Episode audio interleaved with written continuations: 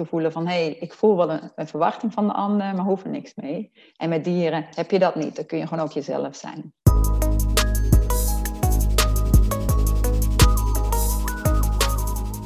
Wat fijn dat je luistert naar deze speciale podcastreeks Hoogsensitiviteit, een special vanwege de week van de HSP, Hoogsensitieve Persoon. Mijn naam is Suzette Lemmers en tevens maker van de podcast Hoogbegaafd en Liefdespijn. In deze speciale reeks neem ik jullie mee in mijn speurtocht naar antwoorden op vragen op het gebied van hoogsensitiviteit in combinatie met hoogbegaafdheid. In deze week van de HSP iedere dag inspirerende interviews met experts op het gebied van HSP en hoogbegaafdheid, met daarin waardevolle inzichten en praktische tips. Welkom Marlies, welkom in uh, deze speciale reeks, podcastreeks vanwege de week van de HSP. Ehm, vandaag ben ik met jou in gesprek Marlies, uh, Marlies Zonderland van Cunera Coaching in uh, Reden zit je. Nou, ik zit inderdaad in Renen, maar ik heb nu in Bennekom daar een tweede locatie, want ik ben net verhuisd naar Wapenveld. Dus ik blijf nog wel in de, in de buurt van Renen Coaching, maar de, de coachlocatie is net deze week veranderd naar Bennekom. En dus een mooie coachlocatie op de woonboerderij waar ik nu woon in uh, Wapenveld. Ja, mooi. Ja. nou, voordat we verder met jou in gesprek gaan, uh, nou, stel je kort voor en uh, neem ons mee in de weg hoe je gelopen bent als HSP en HB-coach. Ja, dankjewel voor de introductie. Dus ik ben uh, inderdaad heel academisch opgeleid. Ik heb Wageningen Universiteit gedaan. Ik was goed in wat ik deed, dus echt het mentale stuk. Dus ik ging daar heel erg in door. Uh, wat me daar heel erg in wel trok, uh, was dat het beter maken van de wereld. Dus het milieu en de melkveehouderij. Dat je dat gewoon minder impact heeft op het milieu. Maar toen ik uh, werkzaam was in, dat, uh, ja, in de academische wereld, merkte ik al dat ik geïnteresseerd was in de mens achter de inhoud. Dus gaandeweg, uh, toen, ook, toen ik ook kinderen kreeg, ging ik ook steeds meer, werd ik eigenlijk geïntroduceerd in het thema hoge gevoeligheid. Dat ik toch wel merkte, achteraf natuurlijk ook als kind zelf al, dat ik toch meer voelde en ja, meer op, opnam dan andere kinderen en andere mensen. Maar eigenlijk door mijn eigen kinderen ook te krijgen. Mijn oudste is nu elf en en de jongste bijna acht, heeft dat wel een soort ja, in werking gezet. Nog, nog meer, waardoor ik me ook eigenlijk niet meer zo thuis voelde in die academische wereld, alhoewel ik dat wel dus heel goed kan. Dus ik ben toen vijf jaar geleden, denk ik, mijn eerste coachopleiding gaan doen. En ik heb net de hooggevoeligheid deskundige opleiding af, afgerond. Uh, dus dat is eigenlijk even mijn achtergrond, dat ik echt gewoon merkte dat ik nu, uh, dat ik me wel op die academici, dus wel op die hoog op, opgeleide richtte, ook in eerste uh, coaching. En dat ik merk dat ik steeds meer hooggevoelige mensen aantrek. Dus daar zit zeker ook wel HB'ers tussen natuurlijk, dus hoogbegaafde mensen, omdat ze natuurlijk toch wel veel, ja, het zijn toch hoogopgeleide academici. Dus dat is gewoon een hele mooie combinatie, dat ik en in die academische wereld zelf heb gewerkt. En dat ik nu dus de mensen kan coachen. Vaak zijn het wel privé en werkvragen. Dus ook de doelen waar dan mensen mee komen. Dus dat is inderdaad, ja, of in het kort even mijn achtergrond. Dat ik ook wel heel, heel erg merk dat het eh, interactie met dieren ook altijd heel hartstikke mooi werkt. Dus ik ben ook bezig om te kijken hoe ik ook dieren kan gebruiken voor de coaching. En dan heb ik het niet over paardencoaching, maar meer ja, uh, met koeien wil ik gaan pionieren. Ja. Leuk. ja. ah, uh, nou, voordat we daar zo verder op ingaan, um, ja, kan je wat kenmerken benoemen van een, iemand die hoogsensitief is? Ja, nou, ik denk toch wel, uh, nou, de eerste natuurlijk goed inlevingsvermogen in de ander. Toch wel em empathisch, want ik ook wel vaak terug hoor van klanten en zelf ook altijd, als je een overleg hebt of dat je heel snel al aanvoelt wat uh, sfeer is of wat er soms ook onder de tafel speelt. En dat zijn natuurlijk hooggevoelige mensen ook vaak goed in, omdat uh, als het eenmaal op de hand gaat, om daar ook iets mee ook te doen. Hè? Dat je het niet alleen als een last ervaart, maar ook als een kracht. Want soms helpt het juist om dat te benoemen, wat je voelt. Uh, dus dat is één, denk ik. En ook die andere natuurlijk ook, wat met hoge opgeleide ook zeer erg zie, is wel toch wel oog voor detail. Hè? Dat ze snel dingen zien en op, opmerken, natuurlijk ook handig kan zijn in het werk. de andere is natuurlijk, ja, ook genieten, denk ik zelf ook, van de, van de natuur. En daar, ja, ik denk dat toch, dat toch automatisch bij veel mensen gebeurt of zo, dat, dat ze toch automatisch toch iets doen of aanvoelen wat goed voor hen is. Maar daar soms ook te weinig tijd voor hebben. Dus dat is ook straks denk ik wel een mooie praktische tip om daar toch die hersteltijd goed in te bouwen. Maar ik denk dat inlevingsvermogen, empathie, oog voor detail en een soort innerlijk weten. Dat is ook heel mooi. Dat, ja, dat je toch wel, of dat nou intuïtie is, of dat je ja, innerlijk al, al dingen gewoon weet. Ja.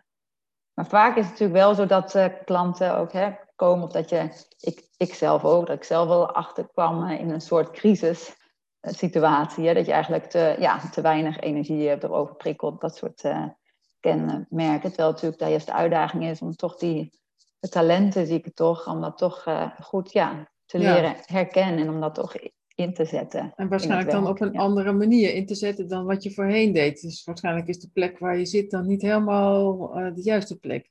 Precies, ja, absoluut. Ja. ah, mooi, ja. Kan je ook zeggen dat er een verschil is tussen hoogsensitieve mensen en hoogbegaafde mensen? Of zie je het meer als overeenkomsten? Ja, dat vind ik mooi. Ik heb namelijk natuurlijk nu, wat ik vertelde, net die hooggevoeligheid deskundige opleiding afgerond bij het netwerk Hooggevoelig Heel gewoon. En daar was natuurlijk wel, natuurlijk wel duidelijk, van, daar heb ik boeken en allemaal het feiten ook. Dus eigenlijk kwam daar, als ik me goed herinner, dat 80% van de hoogbegaafde mens is HSSP, of heeft ook die eigenschap, noem ik het liever, hooggevoelige eigenschap. Maar andersom is dat absoluut niet zo. Dus er is denk ik van de hele bevolking is 2% HB, is hoogbegaafd. En er is natuurlijk 20% tot 5, ja, 1, 1 op de 5 mensen, hè, dus 20% is, heeft de hooggevoelige eigenschap. En dan is daarvan, ja, zou dan logischerwijs, in ieder geval was dat volgens mij niet hoger. Dus het is wel zo dat van de hoog, hoogbegaafde mensen wel heel veel hoogsensitief ook zijn, 80%, maar andersom is dat dus niet zo.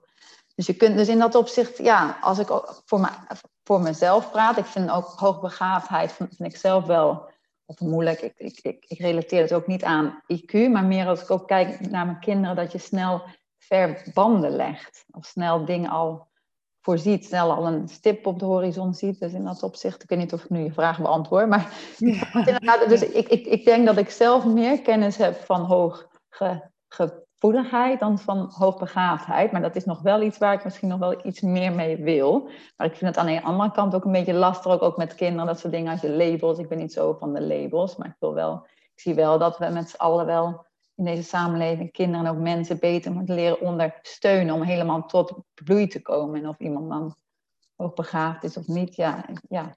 Dus ik denk uh, dat er, ja, dus in dat opzicht van hoogbegaafde mensen zijn ze dus wel voor heel vier op de vijf, dus, dus wel heeft ook de hoogsensitieve eigenschap.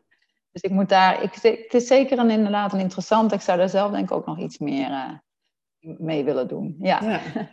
Uh, je gaf net al aan dat je ook uh, met dieren gaat coachen. En, en um, ja, kan je eens aangeven hoe je dat wil gaan doen? Of doe je dat dan nu al? Ja, dat is wel goed. Nou, ik ben net twee dagen geleden ver, verhuisd hier. We wonen inderdaad ook een stuk land, anderhalf hectare land.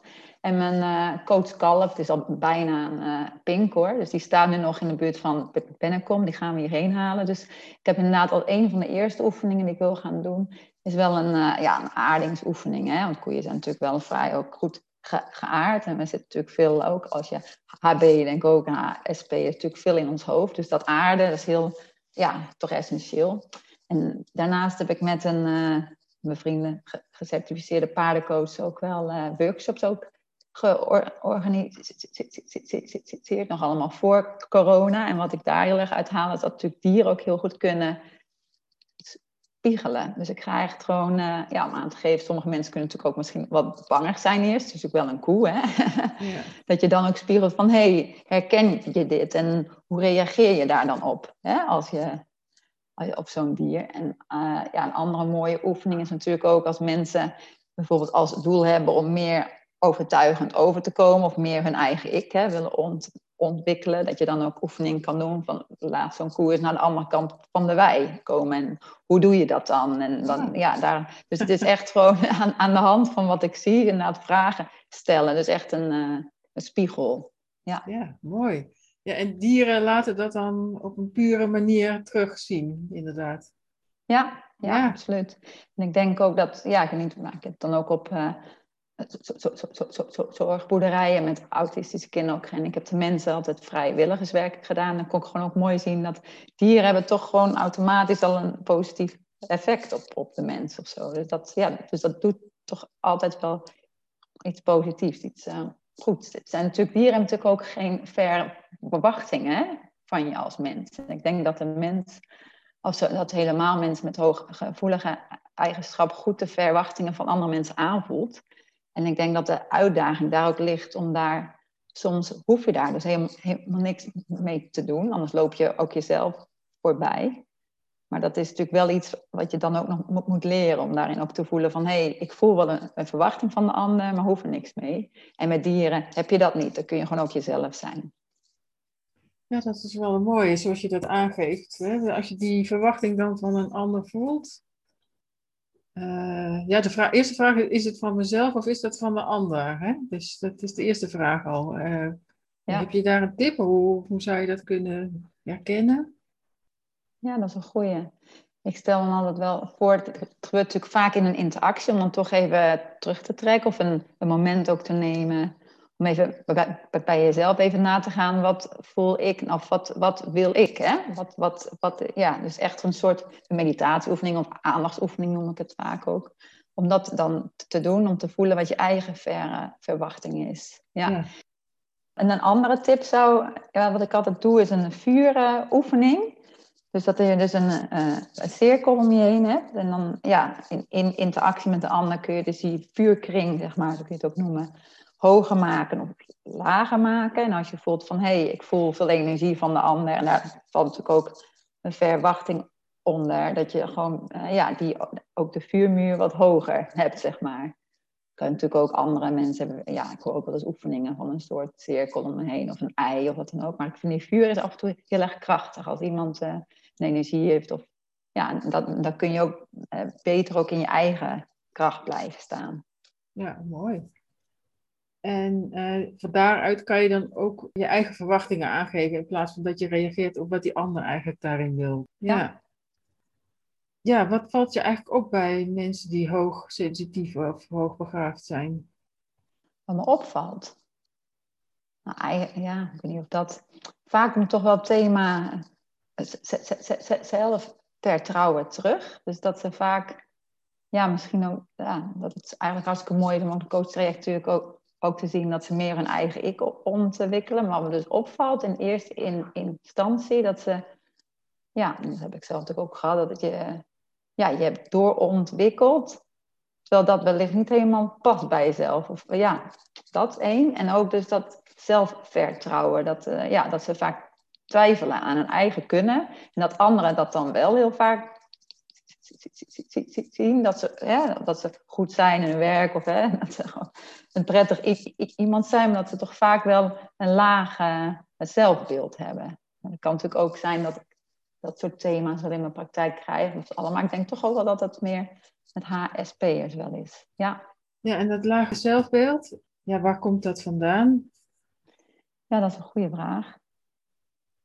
Ja, nou wat ik natuurlijk ook altijd doe, ja, dat een van de, in mijn eerste coach opleidingen heb ik ook systemisch werken geleerd. Dus ik doe ook vaak, een, uh, als natuurlijk het passend is, een familieopstelling. En ja, dan zie je dan natuurlijk wel vaak dat er bepaalde patronen kunnen zijn zonder iemand de schuld te geven of zo. Maar dat is wel mooi om dan dat er ja, toch iets energetisch op, opgelost wordt op die manier, waardoor iemand weer de ruimte krijgt om, voelt ook om zijn eigen ik, om zichzelf ook te zijn, daar ook eigen keuzes in te maken.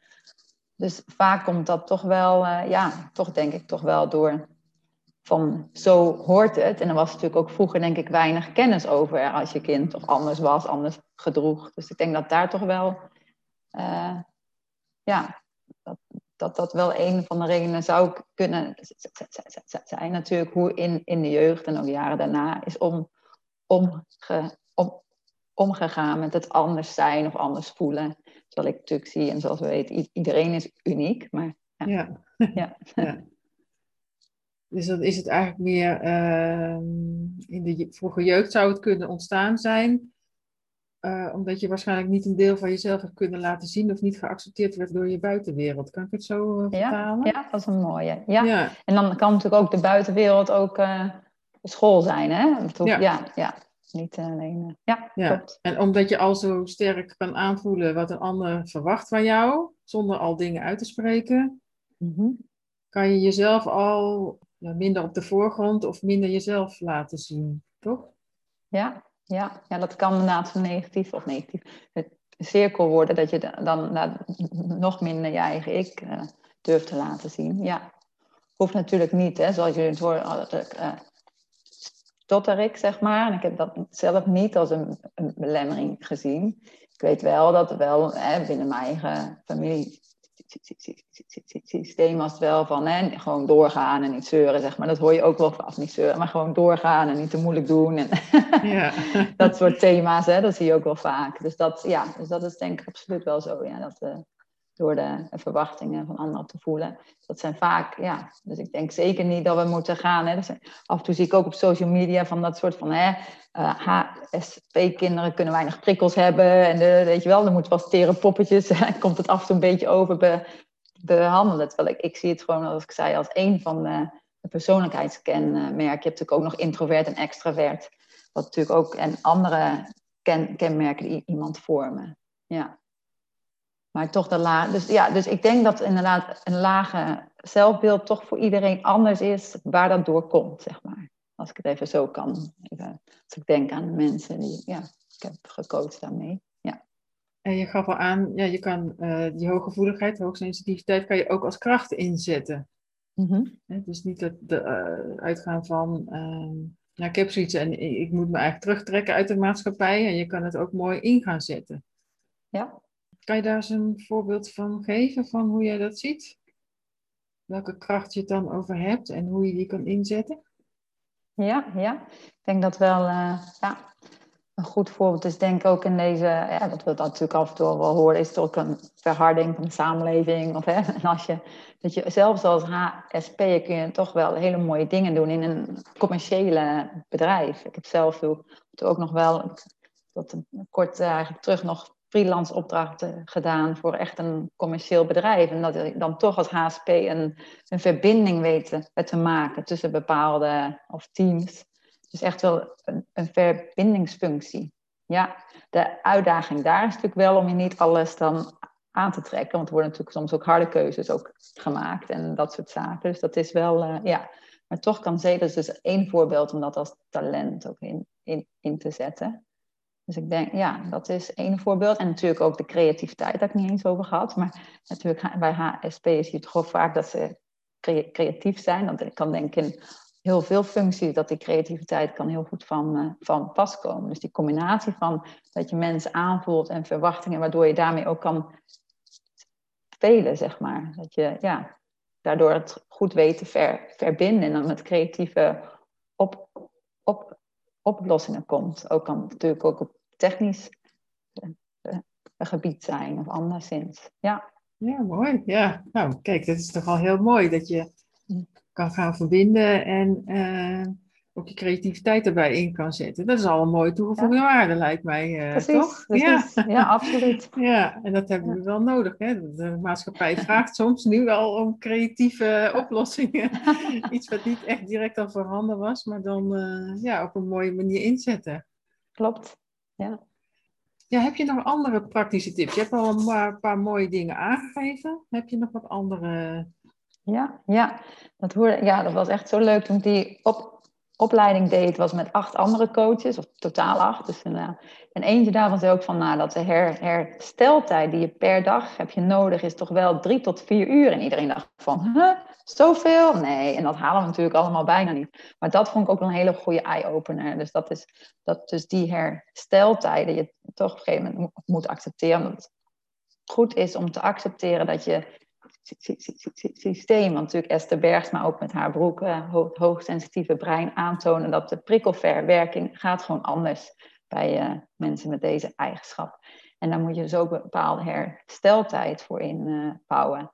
Uh, of mensen dat her, herkennen, dat als je een overleg hebt gehad, dat het nog even, even na, ik noem het altijd in koeien het, het herkauwen. Hè? Dus, daar, ja, dus dat is bijvoorbeeld een duidelijk voorbeeld dat je systeem nog aan het verwerken is. Dus om echt dus de, de dagindeling zo te maken dat nummer één prioriteit is dat je aan het einde van de dag je belastbaarheid niet uh, omlaag is gegaan door gewoon echt korte pauzes in te bouwen. En, en natuur, of, of nou een wandeling is, een fietstochtje of even, even naast, een, uh, naast een boom te gaan staan, zeg maar. Dat dat gewoon echt onderdeel wordt van de dagelijkse routine. En dat is denk ik toch, toch de grootste uitdaging. Om daar toch tijd voor te maken. En dat nummer één prioriteit uh, toch te maken. Ja, dus niet steeds maar door willen en door willen en denken van nu heb ik het gehad en dan komt die energie later wel. Maar echt tussendoor ook tijd inbouwen voor jezelf. absoluut. En helemaal als je weet van, bij bijvoorbeeld van nou, ik heb een overleg en dan of op werk of iets anders. Of of gewoon eh, privé natuurlijk. Je denkt van nou, ik heb de kinderen dan of dan dan. En dan is mijn partner er weer. Dat je toch ook daar tijd tussen, tussen inbouwt. Uh, noemen dat overgangstijd of uh, een schakel uh, een momentje. Ik heb het ook wel eens gehad hoor. Dat een, dat een overleg dan uitliep of na de sessie. En dan heb weer haasten daarin. Omdat het toch echt... En nu denk ik van nee, ik ga het gewoon eerder afronden. want, want ik heb dat nodig. Dus dat je, ja dus dat je echt de bewustwording daarvan, van dat het gewoon goed en lang vol te houden op de lange termijn, is dat gewoon nummer één uh, prioriteit. En, en daar valt denk ik nog wel veel in te halen. En dat is denk ik wel een voordeel van deze thuiswerkperiode, dat het ietsje makkelijker was voor heel veel mensen. Ja. ja. En, en kan je een, een tijd aangeven of is het iets wat je dan zelf zou moeten ontdekken wat voor jou helpt? Of? Ja, ja, ja. Ik, ik stel altijd voor om inderdaad echt eerst een ideale dag in indeling dan ook te maken. En daar dus wel echt tijd blokken.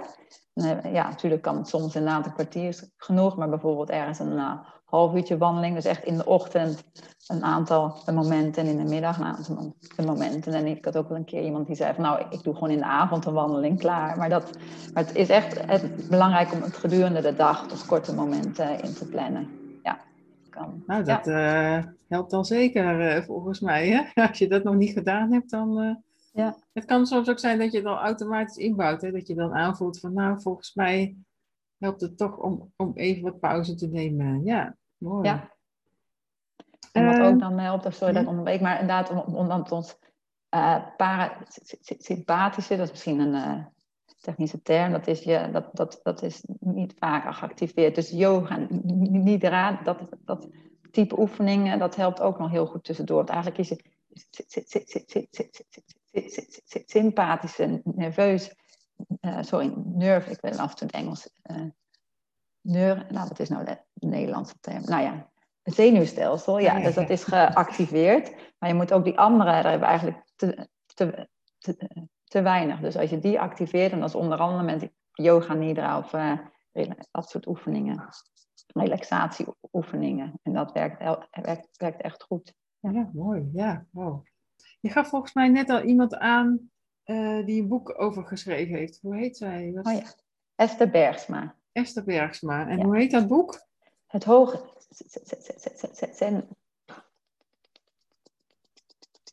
Sensitieve brein. Het hoogsensitieve brein.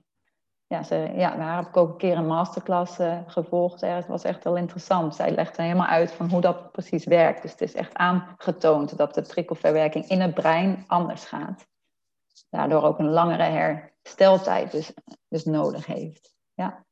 En ja, nu komt er een vraag bij me op van, uh, ja, stel je baas zit er op een andere manier in. Hoe kan je dat mhm. dan aangeven? Ja, dat is een goeie. Ja, hoe bedoel je, wat, wat aangeven nou, dat, je, die pauzes nodig hebt? Ja, precies. Dat je niet van de ene naar de andere overleg kan rennen. Of achter Zoom, weet je wel. Dat je dan toch iets van tijd nodig hebt. Ja, nou dat is inderdaad een goede. Ik denk dat er iedereen al anders mee omgaat. En soms is inderdaad een baas wel, uh, of staat open voor, eigenlijk voor jezelf wel aan of je zoiets kunt delen of uh, niet. En anders is het toch belangrijk dat je, dat je zelf ervoor zorgt en zelf baas bent over je eigen agenda. En zelf een keertje eerder de camera uitzet of uh, dat, zoiets. ik wel merk, ook met coachtrajecten betrek ik vaak gewoon ook de, ook de leiding even erbij. En als je dan vertelt over hoge gevoeligheid, is het wel zo dat ze er vaak wel voor openstaan. Ah. Dus dat is de, in dat opzicht denken mensen van, ach, ik wil het niet hebben met mijn werkgever erover, omdat hè, zo meteen ziet ze me als een terepoppetje of zoiets. Maar toch merk ik in de praktijk dat het wel eigenlijk wel positief werkt om het er wel over te hebben. Maar dat, ja, natuurlijk net, uh, net aanvoelen.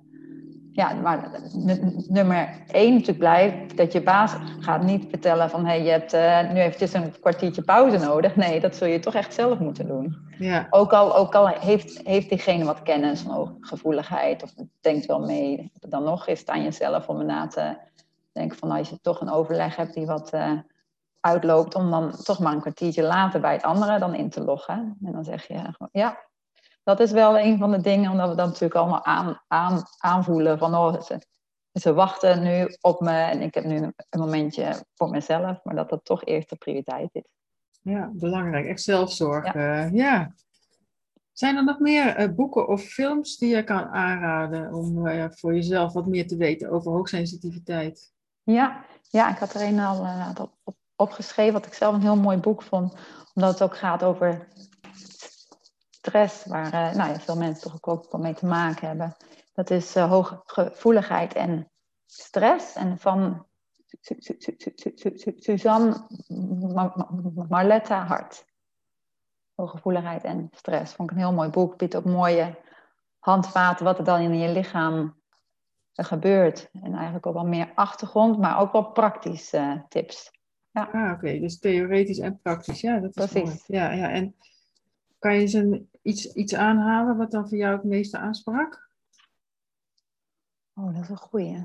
Alweer een tijdje geleden. En dan zou ik het boek... Ja, dus ik heb het laatst uitgeleend, omdat inderdaad ik dacht van... Oh, dat was zo'n goed, boek dat me daarbij hielp. Ik denk als ik me zo terughaal, echt dat ik, ik zelf meer bewust werd waarom ik dat dus nodig had. Dus die pauzes ook. Ja, dat echt goed werd uitgelegd wat het deed dus met je lichaam wat stress dus met je lichaam doet. En dat we daar dus als hooggevoelige mens nog gevoeliger voor zijn. Zeg maar. ja. ja. dat je er niet overheen moet stappen, omdat je dan anders uh, ook zelfs in je lichaam wat dingen kapot kan maken, of niet? Uh, of, of ja, hoe kan je dat zeggen? Ja, ja dat, dat dan inderdaad de hersteltijd nog langer is. Ja. Maar ik doe, doe nu denk ik het, het, het, het, het boek wel iets te kort. Dus sorry dat ik het even niet door in de verhuisdozen zit het boek nu. Dat, het, ja, dat ik het even, maar ik, ik weet nog dat ik er echt van, nou, ik heb daar toen inderdaad heel veel aan gehad. Ongeveer twee jaar terug had ik een, een, een masterclass ook bij haar gevolgd. En toen kregen we dat boek. Dat was heel mooi, ja. Fijn. Um, ja, hoe kunnen de luisteraars uh, meer over jou te weten moeten komen? Ja, ik, ik heb een eigen website, kuneracoaching.nl. En ik, sta ook, ik ben ook te vinden op Coach Finder. En ik ben nu ook uh, sinds uh, kort eigenlijk UWV Werkfit Coach voor hooggevoelige mensen. Via netwerk Hooggevoelig Heel Gewoon. En daar sta ik nu ook als het goed is op de website. En ook op de NOPCO website. Dus ja, genoeg uh, aanknopingspunten. Maar de website staat met mijn eigen website, daar staan natuurlijk ook de meest actuele agendapunten en dat soort zaken op. Oké, nou, hartstikke fijn. Nou, ja. fijn. Uh, bedankt voor het interview, uh, Marlies. Graag gedaan. Dankjewel voor je tijd. Vanwege de week van de HSP geeft Marlies 25% korting op een individuele coachingsessie met dieren. Onder vermelding van de podcast Hoogbegaafd en Liefdespijn Special Hoogsensitiviteit. Dit is voor twee luisteraars en dat kun je mailen naar info.cuneracoaching.nl Bedankt dat je luisterde naar deze speciale reeks hoogsensitiviteit. Wil je meer weten over hoogsensitiviteit en hoogbegaafdheid? Luister dan ook naar mijn andere afleveringen in deze speciale reeks. Als je je abonneert op mijn podcast Hoogbegaafd en Liefdespijn, kun je iedere week luisteren naar een nieuwe aflevering over deze boeiende onderwerpen. Kijk voor meer informatie op justchange.live. Heb je suggesties over wie ik zou kunnen interviewen over deze onderwerpen? Laat het me weten via suzette.lemmers.gmail.com. Graag tot de volgende aflevering Hoogsensitiviteit of een nieuwe aflevering over hoogbegaafd en liefdespijn.